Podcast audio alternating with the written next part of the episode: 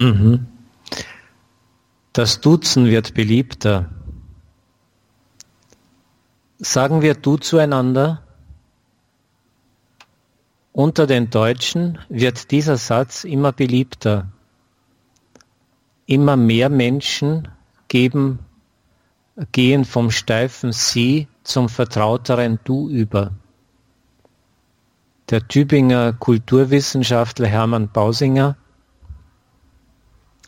und auch noch einige deutsche Wissenschaftler, die dieses Phänomen ausführlich untersuchten, kamen zu interessanten und unerwarteten Ergeb Ergebnissen. So empfinden die, Deutsch, die Studenten das Duzen als Zeichen der Solidarität und informeller freundlicher Beziehungen. Mehr geduzt wird vor allem am Arbeitsplatz.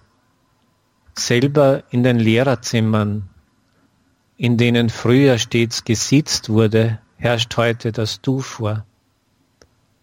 Nur die älteren Lehrkräfte sind oftmals noch Du-Muffel.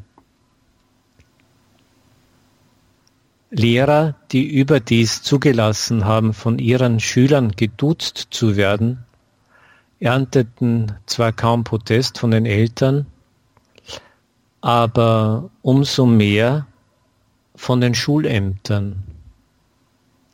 Nach Absicht der Wissenschaftler bauen sich jüngere Leute heute mit dem Du schneller zwischenmenschliche Brücken.